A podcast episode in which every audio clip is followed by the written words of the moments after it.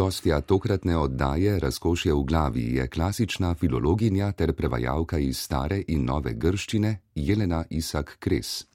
V oddaji razkriva, kako starogrške in rimske zgodbe nagovarjajo sodobnega človeka, pojasnjuje, kako zahteven proces je prevajanje tako starih besedil in pripoveduje o tem, kako živi skupnost navdušencev nad antiko v Sloveniji.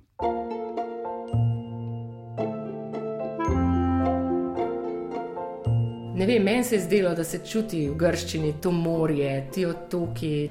To je preprosto res en lep jezik, no, ne morem drugače reči.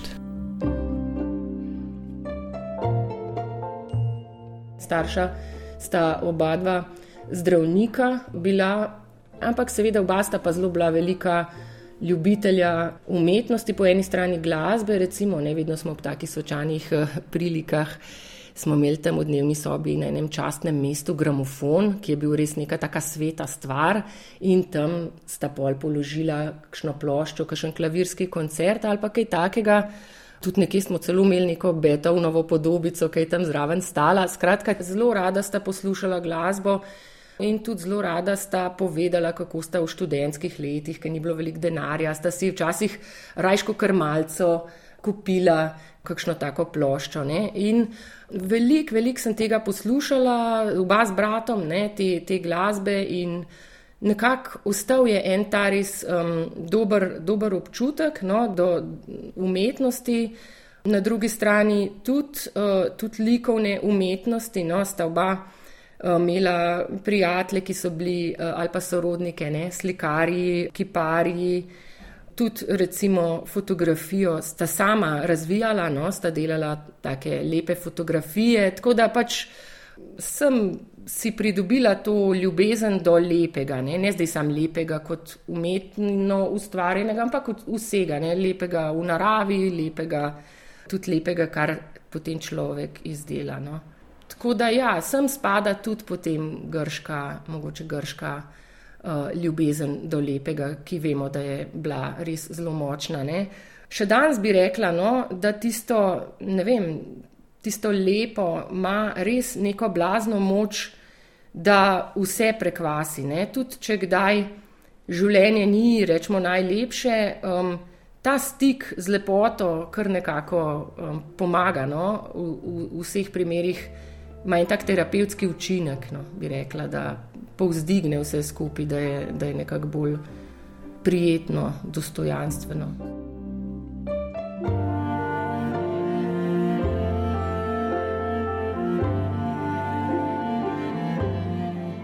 Nikoli nisem bila oseba, ki bi bila zelo usmerjena v vizualni svet. Od, od, od malega sem bila bolj v ta zvočni svet, nekako bi rekla, no, tako od malega Vse je tukaj eh, not zraven prepleteno, ne? od maminga glasu, ki bere eh, knjige, eh, do teh um, pesmic, pravljic, ki smo potem tudi sami jih brali um, v cicibanih revijah, knjigah. Ko sva um, z bratom bila še čist majhna, sva dobila tiste, takrat so bile kasete. Ne? S pravljicami, pač eno po eno, um, in potem smo tisto pravljico poslušali Tolkrat, dokler nisva znala cele že na pamet, eh, in potem drugo, in tako naprej. Ne. Vse, kar sva videla, je bil tista mal, mali kartonček, tista slikica, tako da se je bilo res treba pač predstavljati. Ne, um, in v te predstave se je tako lepo dalo vstopiti in tam biti, ne, hkrati je pa to potekalo skozi besedo, skozi en ta res slišen svet, pa tudi skozi, skozi glasbo. Te stvari so bile res, moram reči, imam občutek dobro narejene. No tukaj se nekako naredi ena ta podstat za, za ljubezen do teh stvari, do, do metruma, do rim.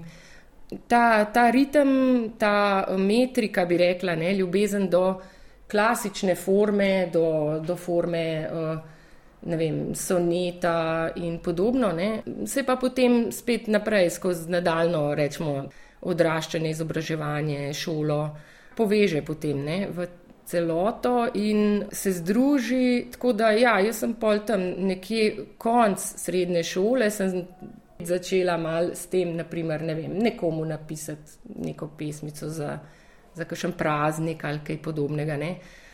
Potem, recimo, v obdobju fakultete, sem pa tudi kakšno svojo napisala. Ne? Recimo, takrat sem začutila res tudi to um, terapevtsko moč tega. Ne? Kaj je res poanta te forme, ne, ne, neke te stroge forme, recimo sonet, da napišeš pesem v sonetu, zraven pa, da v resnici začneš pisati zato, ker nekaj, um, moraš nekaj dati sebe, ali neka um, žalost, ali jeza, ali neko veselje nad lepoto, potem je to res kot en tak um, proces, ki sploh ne vem, zakaj se je pravzaprav recimo zgodil. Ne? Vse so bile tudi sproti kakšne druge pesmi, ki niso bile v klasični formi, ampak zanimivo, da tiste sem v glavnem vse zavrgla pozneje. Ne?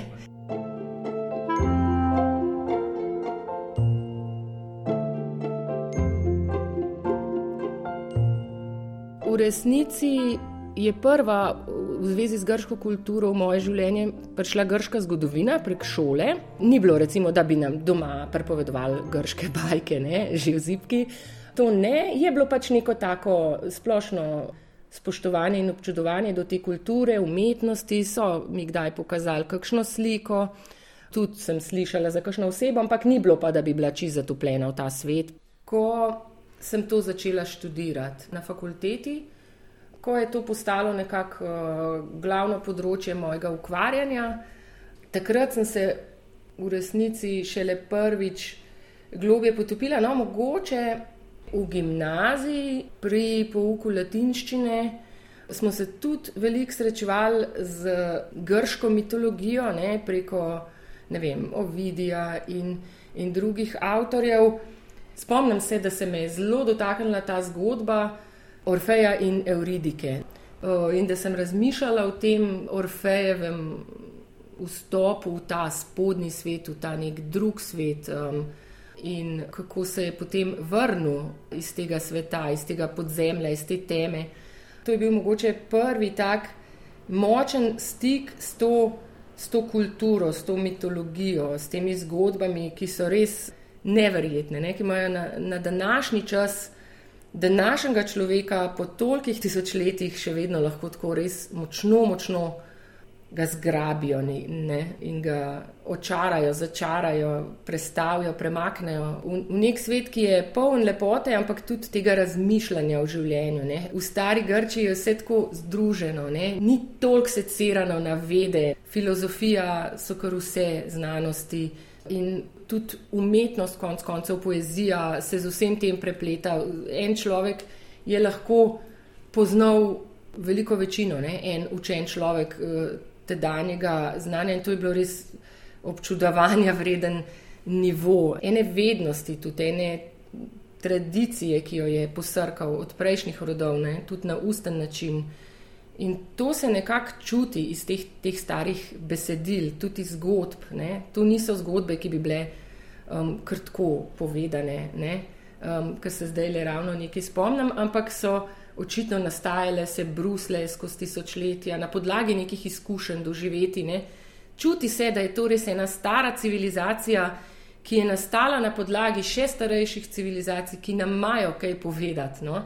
ki nam tudi sporočajo res, da bravo za pametne telefone, ne? bravo za uh, vse te naprave in rakete.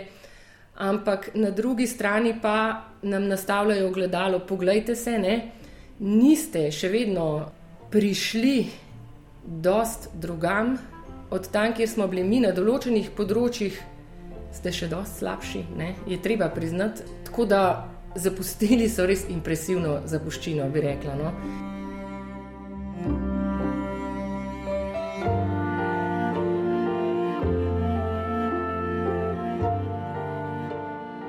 Tudi sama se spominjam vprašanj v času študija, ko so me ljudje sprašvali res tako z iskrenim začudenjem, kaj ti bo pa to, ne? ali pa um, kako pa to, meni se je tako zdelo to nekaj eh, samoumevnega. Ljudje, ki so bili blizu mene, eh, so to podpirali, občudovali. Ne? Potem je bil pa ta kratki stik z, z enim drugim okoljem, ki se je pa temu iskreno čudilo, češ, kaj, zakaj pa to ne. Konkretno so me čisto take praktične stvari pripeljale do tega res konkretno latinščina v srednji šoli, na gimnaziji Poljane, za katero sem se na koncu odločila, da bom šla študirati. In um, prav takrat, ko sem razmišljala o latinščini, niti še nisem toliko grščini. Potem sem počasi ugotovila, da uh, ta uh, oddelek za klasično filologijo ima pač staro grščino in latinščino, in uh, sem se odločila, da bom vzela tudi grščino zraven latinščine. Zelo hitro sem pa ugotovila, da pa mi je grščina še bolj všeč. No? Ne samo zaradi pisave, alfabeta, ta, te eksotične lepe črke, ampak um, tudi zaradi tega anagnorizma, ki se zgodi, ne? ko se to učiš. Um, na začetku, ko si še zelo mlad, eh, vsaj jaz, pri meni je bilo tako, misliš, eh, da bo vse novo ne, eh, pri tem učenju, potem pa v resnici ni, potem pa začneš ugotavljati, koliko je teh starogrških besed v našem okolju, v naših tujkah, v naših strokovnih izrazih. Kar naenkrat pride neka teta z neko diagnozo od zdravnika in jo tam prebere, tvoji mami ali pa očetu, ne, da boste svetovala, kaj mogoče še ne kot zdravnika in ti razumeš. Dobesedno razumeš, zakaj gre, za katere dele telesa. Pač razumeš te besede za nazaj, začneš ugotavljati, da pri biologiji se pa res, a lipidi in tako za nazaj. Ne? Tukaj se pa res začuti, kako smo povezani, ne? miselno smo povezani um, s tem svetom, no? um, tudi na tej res prav paradigmi jezika. Ne?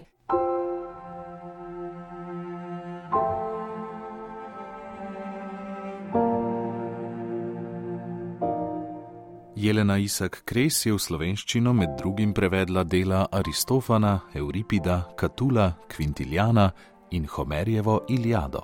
Ko ti prevajaš s to akribijo, ki ti jo privzgojiš tudi klasične filologije, s tem po eni strani strahom, da boš uh, skrbijo, no, mogoče rajš rečem, da bo res.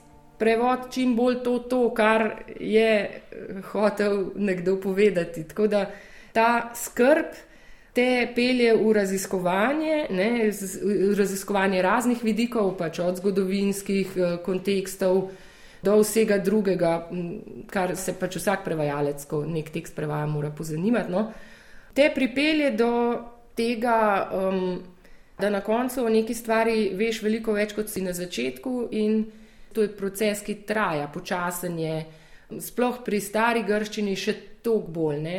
Smo navajeni prevajati res, uh, res počasi in za vsako vers ali pa vsako vrstico prebrati uh, deset komentarjev, preden se končno uh, odločimo, da to bo, to bo verjetno to, a ne zdaj pa.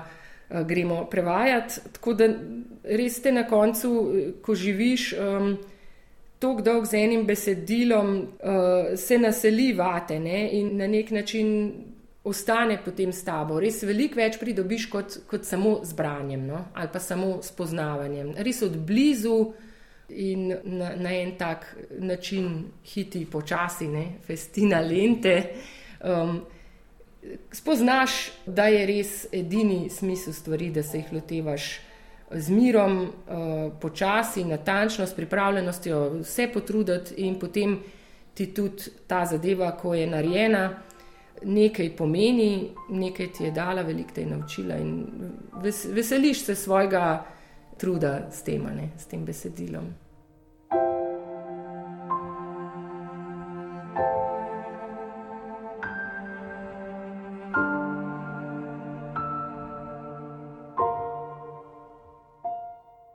Večno vprašanje je to, zdaj, koliko sebe pustimo znotraj enega prevoda.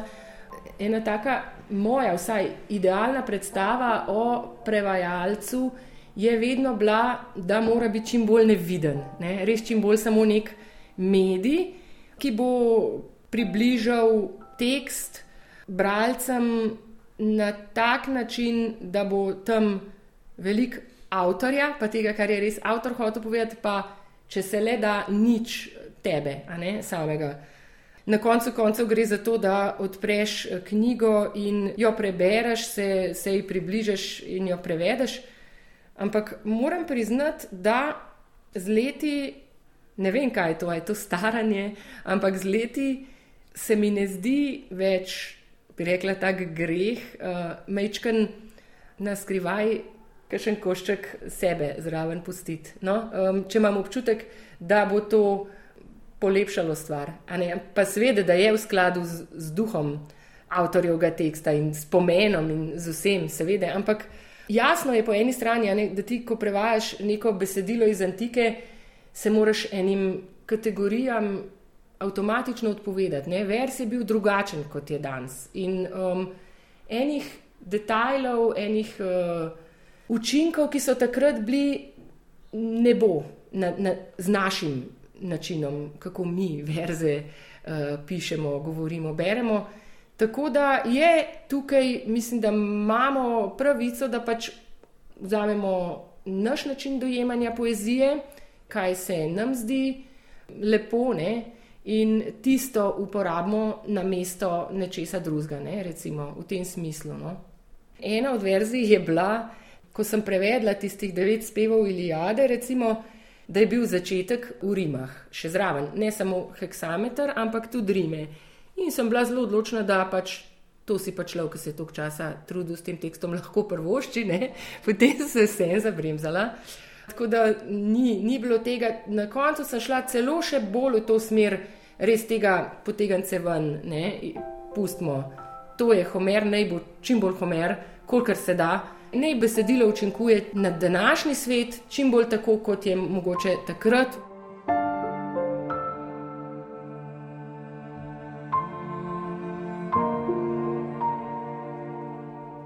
Odkriti te antične drobce, kaj so pomenili, včasih to sploh ni mogoče. Ne? Včasih so tudi to samo domneve. Imamo kakšne besede, ki so uporabljene samo enkrat v celem korpusu besedil, ohranjenih, ki so že sama po sebi samo en mali košček vsega, kar je bilo.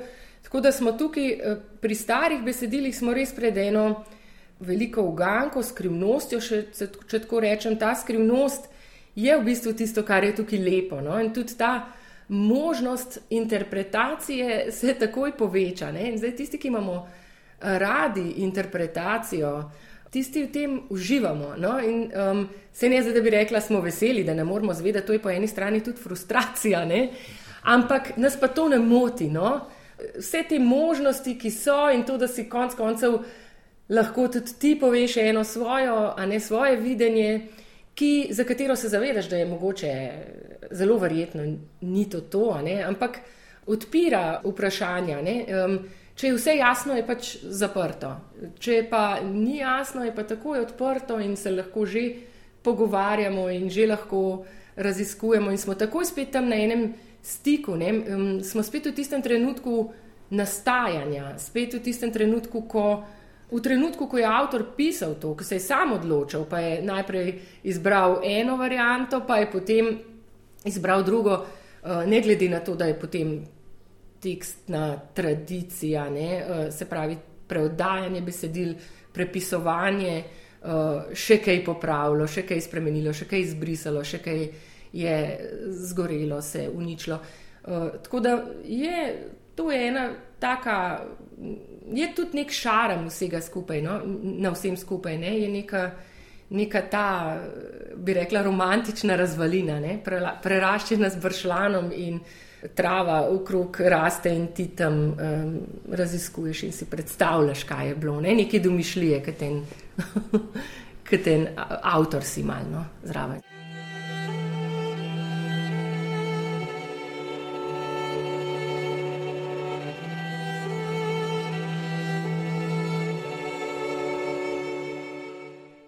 Jelena Isak Kres je aktivna članica Društva slovenskih književnih prevajalcev in Društva za antične in humanistične študije Slovenije.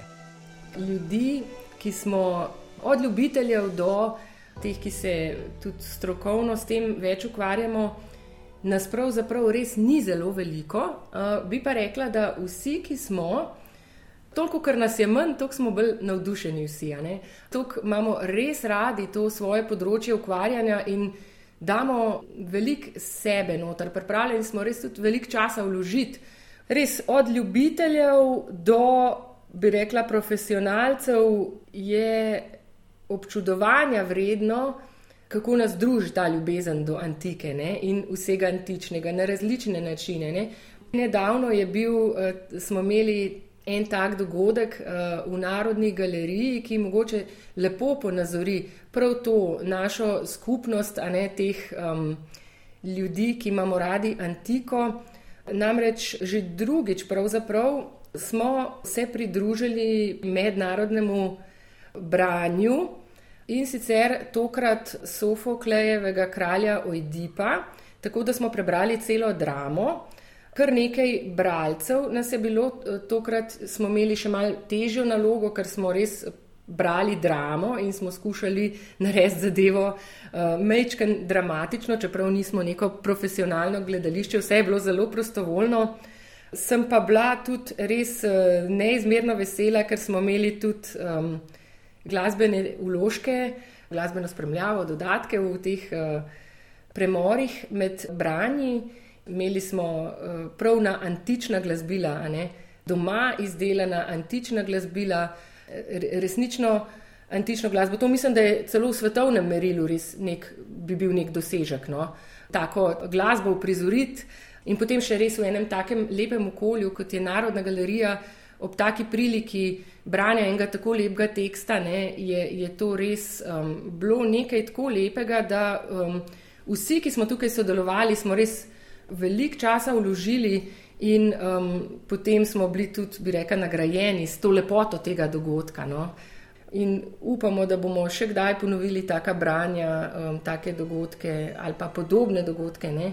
kjer se lahko res ljubitelji, zaljubljenci v antiko družimo skupaj ne? in delimo to svoje navdušenje ne? nad antiko.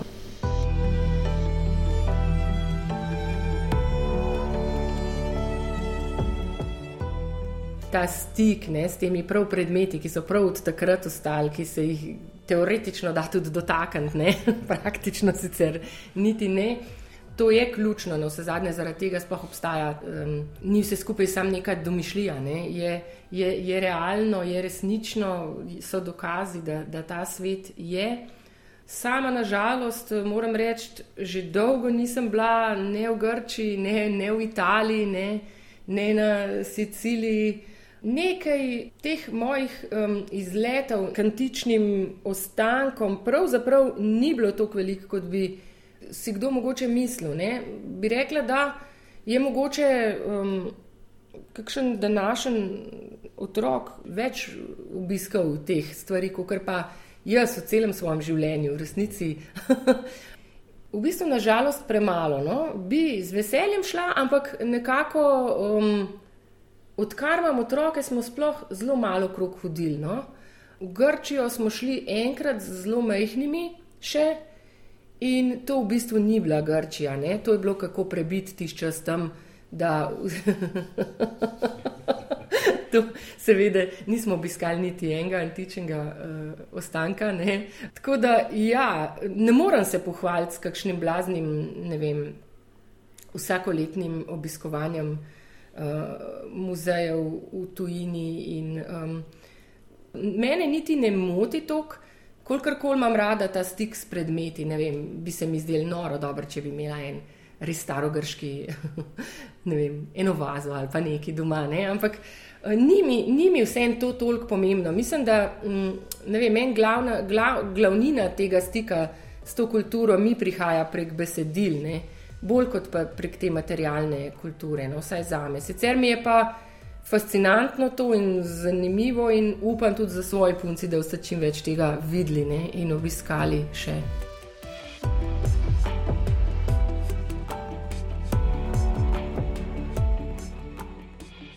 Vidim kar nekaj sebe, pa kar nekaj svojega moža v svojih dveh črkah.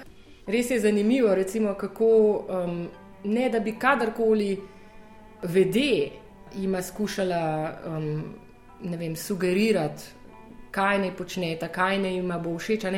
Ju vleče v področja, ki so tudi meni blizu, ne, pa, pa možu. No. Tako da, um, ne vem, meni je bil recimo klavir, ki ga zdaj igra mlajša hči, ne, že nekaj let mi je bil vedno nekaj, to se mi je zdelo res nekaj Ne, in da je to nekaj najboljšega, kar lahko je, no, kar lahko sreča človek. Nisem nikoli hodila v glasbeno šolo, ampak recimo, če so kje imeli doma klavir, um, pa da so se potem vsi otroci zvrstili, na koncu so se naveličali, sem pa jaz tisto dobila in to se mi je zdelo res, to je pa to. Je pa, to, je pa to no. In potem mlajša hči, sploh nismo nikoli razmišljali, da bi, da bi igrala klavir, ampak celo v bistvu, ker je mož violist, je, smo ji dali v roke violinico, ampak je potem res, ko je prvič tiste klavirske tipke videla, je kar um, je rekla, da bi to.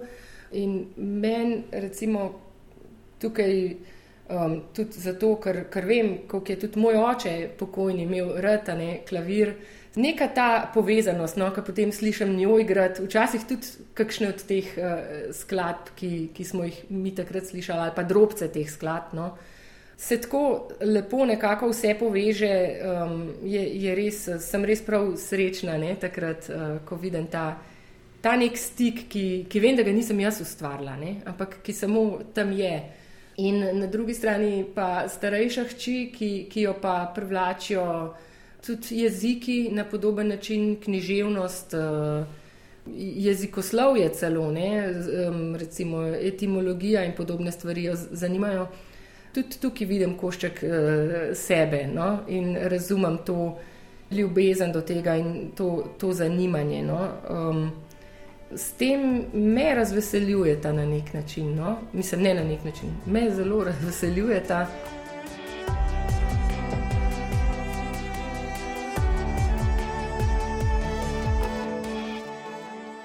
ko se kaj odločam, um, sprašujem kar vse po vrsti, eh, kaj mislijo, ne? ali pa kera pesemca je boljša ta ali ta. Tukaj sem res, ker mogoče malo nadležna, že kdaj do družine, komuniciram vse z vsemi. Moj mož je predvsem, on je v resnici moj um, prvi sogovornik in v večini primerov tudi edini po količini ne, časa, dejansko največ se z njim pogovarjamo od vseh ljudi. No. Prvi ne toliko bralec, kot ta prvi, s katerim se pogovarjam. Mi, da se res veliko pogovarjava in gotovo zelo, zelo tudi vpliva na me, s svojimi, svojimi, mislim, prek teh pogovorov se tudi jaz uh, spremenjam, verjetno tudi obratno, ne pač drug na drugega vplivava. S temi najnimi pogovori, ko se o stvarih pogovarjava. Ne. Jaz se od njega zelo veliko naučim, ne. njega zelo zanima zgodovina in geografija. To bi rekla, da mi ni jasno, zakaj ni šel nikoli tega študirati. Ne? Končal je glasbeno akademijo, pa potem še psihologijo, pa potem še antropologijo antičnih svetov je magistriral. Veliko bere, veliko uh, razmišlja, tudi veliko ve o teh zadevah. Tako da jaz imam pa tukaj ravno potrebo po učenju, ne? največjo. Um, največ bi rekla, mi manjka iz te, iz te smeri. Tako da mi je zelo, zelo. Um, dragoceno to njegovo znanje. No? Um, tako da res um, sem vesela, da je tako, no? da je um, vse to med nama, no? toliko vsega. Ne? Da si, če nobenega časa nisi vzameva tisto urco, nekajkrat na teden greva skupaj na sprehod in se pogovarjava. No? Pa, um, tako da to je res tisto, za kar sem najbolj hvaležna v življenju. No? V resnici on, pa dve hčeri, poleg staršev, ki so me rodila. Ne? In res se imam za veliko srečnico, no? zaradi svoje družine.